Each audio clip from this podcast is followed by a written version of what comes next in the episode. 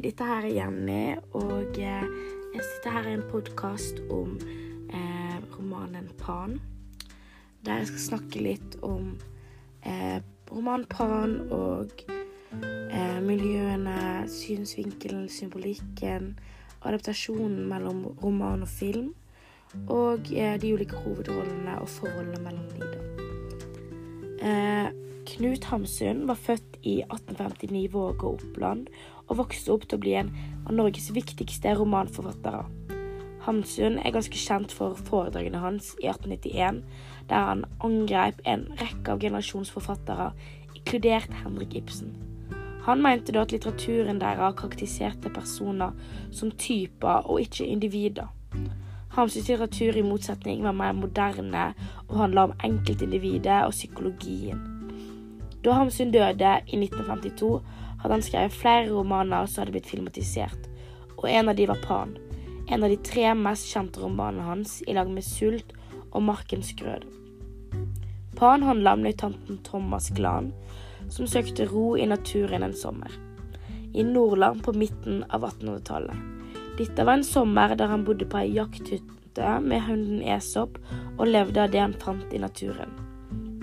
Knut Hamsun begynte på Pan i Paris og avslutte den dagen eh, den, eh, i dagens Oslo midt i nyromantikken.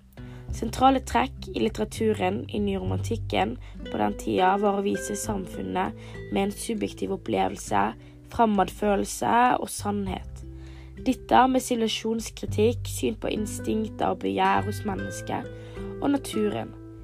Romanen Pan fra 1894 viser at den er sann for sin tid i nyromantikken, samtidig som han møtte modernisme. Romansen forteller om en konflikt mellom kultur og natur, og er en tragisk kjærlighetshistorie. Hovedrollen i Thomas Gland er en rastløs, følsom og irrasjonell mann som finner erotisk trøst hos kvinnene. Edvarda og Eva. Tittelen Pan kommer fra en gresk gud som er assosiert med skogen og begjæret. Sånn er Glan karakterisert på samme måte med det at han hører hjemme i naturen og er drevet av et sterkt erotisk begjær. Jeg lå og så på grenene som var gitt sakte i lufttrekket. Den lille vind arbeidet med sitt og bar blomsterstøv fra kvist til kvist og fylte hver uskyldig ar. Hele skogen sto i henrykkelse. Hamsun bruker prosalyriske skildringer i romanen sin lyriske innslag som skildrer naturen rundt hovedpersonen. Han bruker rytme, gjentagelse og bildebruk som lager en stemning rundt Thomas Glans tilværelse. I filmen Pan får vi et innblikk i naturen som, beskriver, eh, som beskrives detaljert i boka. Midnattssola som lyste opp nettene, fjellene rundt Glan og havet i den lille kystbyen. Tilstanden til Glan gjenspeiles i takt med årstidene. Så fra våren han forelska seg og blomstrende blomster, til når høsten kom han forlot kystbyen etter den tragiske romansen.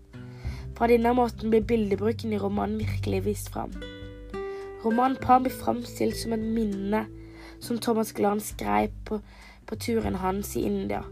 Hamsun skrev med jeg-person, som gir leseren adgang til tankene av følelsene til Glan, som da tar, tar deg tilbake i tida hans, men samtidig i ettertid, i nåtid, når han skriver noveller. Nei, roman. Thomas Gland søkte naturen og var en romantisk sjel som fant følsomhet i alt rundt seg. Når han forelsker seg i Edvarda, er hun i motsetning til han deltakelig i det siviliserte liv som datter av hans handelsmannen Mac. Hun er like følsom og irrasjonell som han, og forelsker seg i dyreblikket hans. De var begge veldig forskjellige fra hverandre, men de var òg forskjellige fra samfunnet rundt seg. Edvard var vakker, men innfridde ikke de typiske skjønnhetsidealer på den tida. Glenn han levde mer for seg sjøl, og han var en mer mørk og mystisk mann, og gikk ikke helt ut ifra det å være typisk kjekk, altså innenfor nok en gang de typiske skjønnhetsidealer. Forholdet deres utviklet seg fort etter deres første møte, og de levde i en kjærlighetsboble. Etter en periode spilte hverdagen mer inn, og Glans dårlige sosiale kunnskaper passet liksom ikke inn i, Edvard, i livet til Edvarda. Romansen ble ført til et sjalusidrama istedenfor, og Edvarda inngikk i et arrangert ekteskap. Hun likte nå å leke med Glans følelser og gjøre han sjalu. Forholdet deres begynte raskt og førte seg til at de ønsket å såre hverandre. Glan gjorde dette med å gå inn i et forhold med Eva, smedens et, ei jordnær, fattig jente som kasta seg i armene hans uten at han ga særlig mye tilbake, da. Dette ble framstilt i en samtale med Eva når Glenn, Glenn sa Jeg elsker tre ting, sier jeg så.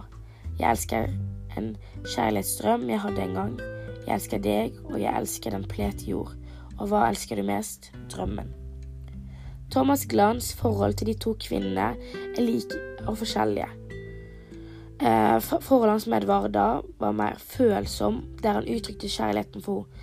Eh, men han eh, Kjærligheten hans eh, ble også drevet til sterkt begjær, og de to har en situasjon der begjæret tar over. Edvard er òg følsom og lysten tar over, men de to stopper pga. samfunnet rundt deg og forventningene rundt ekteskap. Eva er fattig og gift, og forholdet med Glenn og Eva er basert på erotisk begjær på samme måte som med Edvarda. Forholdet deres består nesten bare av de to som går inn i lystene deres. Eva hun er forelska i Glenn, men Glenn er forelska i Edvarda. Han uttrykker til og med flere ganger sjalusien sin til Eva, noe hun ikke liker. Handlingen i, rom i romanen foregikk på slutten av 1800-tallet, på et lite sted der alle kjente alle. En idyllisk kystby der alle hadde sin plass i samfunnet, og samfunnet var mannsdominerende. Glenn ville leve alene i naturen med sine følelser, drømmer og myter, Likevel møtte naturen kulturen i samfunnet, og miljøene rundt han påvirka forholdet hans. Forventningene fra samfunnet ødela ønsket til Glens om å leve etter egne naturlige instinkt, og den riktige sosiale oppførselen var vanskelig for Glenn å oppføre seg etter. På denne måten ble det, en, ble det en konflikt mellom natur og kultur. Jan Erik Holst mente at det var vanskelig for Hamsun å vise litteraturen hans på film. Han hadde tre årsaker til at det var en vanskelig oppgave. Jeg mener at disse tre begrunnelsene ble motbevist i filmen. Med én mente han film viser menneskets ytre. Hamsun spesialiserte seg på å skildre menneskets indre. Da mener jeg at når Glens mentale tilværelse ble verre, ble sjalusiene hans vist fram når Hamsun skildrer Glens indre gjennom handlingene og tankene hans fordi han hadde en følsom personlighet. Altså hans indre kom fram i filmen med at Glenns leste opp det han skrev, samtidig så dialogene hans var like følsomme og beskrivende som romanen. Med to mente han at film skal helst ha en klar dramaturgi med tydelige mål og motiverte helter. Hamsun spesialiserte seg på rotløse vandrere som følger sine innfall. Jeg mener det, var, jeg mener da at det ikke var noe helt i filmen, og det var det Hamsun prøvde å vise i litteraturen hans, og i novella Pan. At det ligger mer bak de heroiske handlingene mennesker gjør, og at alle ikke er helter, men at det finnes ordinære, men kompliserte mennesker. I, med den tredje mente han at film forteller ikke, men viser frem bilder. Hamsun var en særegen forteller med et rikt og uvanlig ordforråd, og som ofte kommenterte og analyserte det som skjedde. Når jeg så filmen sjøl, var det Hamsuns rike og uvanlige ordforråd som gjorde at jeg forsto han som menneske. Filmen fortalte med bilder som viste Hamsuns beskrivelse av omgivelsene, men tankene og dialogen i filmen det gjorde det at filmen fortalte noe. Glan fortalte var kaotisk og lite strukturert, og det gjorde at filmen gikk framover i hans møte med følelsene sine. Så er romanen Pan aktuell i dag? Romanen ga meg et innblikk i hvor komplisert et menneske kan være. Jeg kunne sjøl finne meg sjøl i tankene som Glan hadde. Knut Hamsun sto mye for det at litteratur ikke trengte samfunnskritikk. Han ønsket heller å utforske menneskets sjel og psykologi.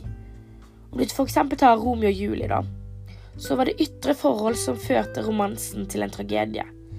Men i Pan var, indre, for, var indre forhold like mye med på å ødelegge romansen mellom Edvarda og Thomas Klang. Jeg mener romansen er aktuell i dag. At indre konflikter er et tema som mange går gjennom. Og det å forstå hvorfor et folk oppfører seg som de gjør, er viktig i sammenheng med hvorfor et samfunn oppfører seg som de gjør. Vi må kjenne oss sjøl før vi kan lære å kjenne, altså.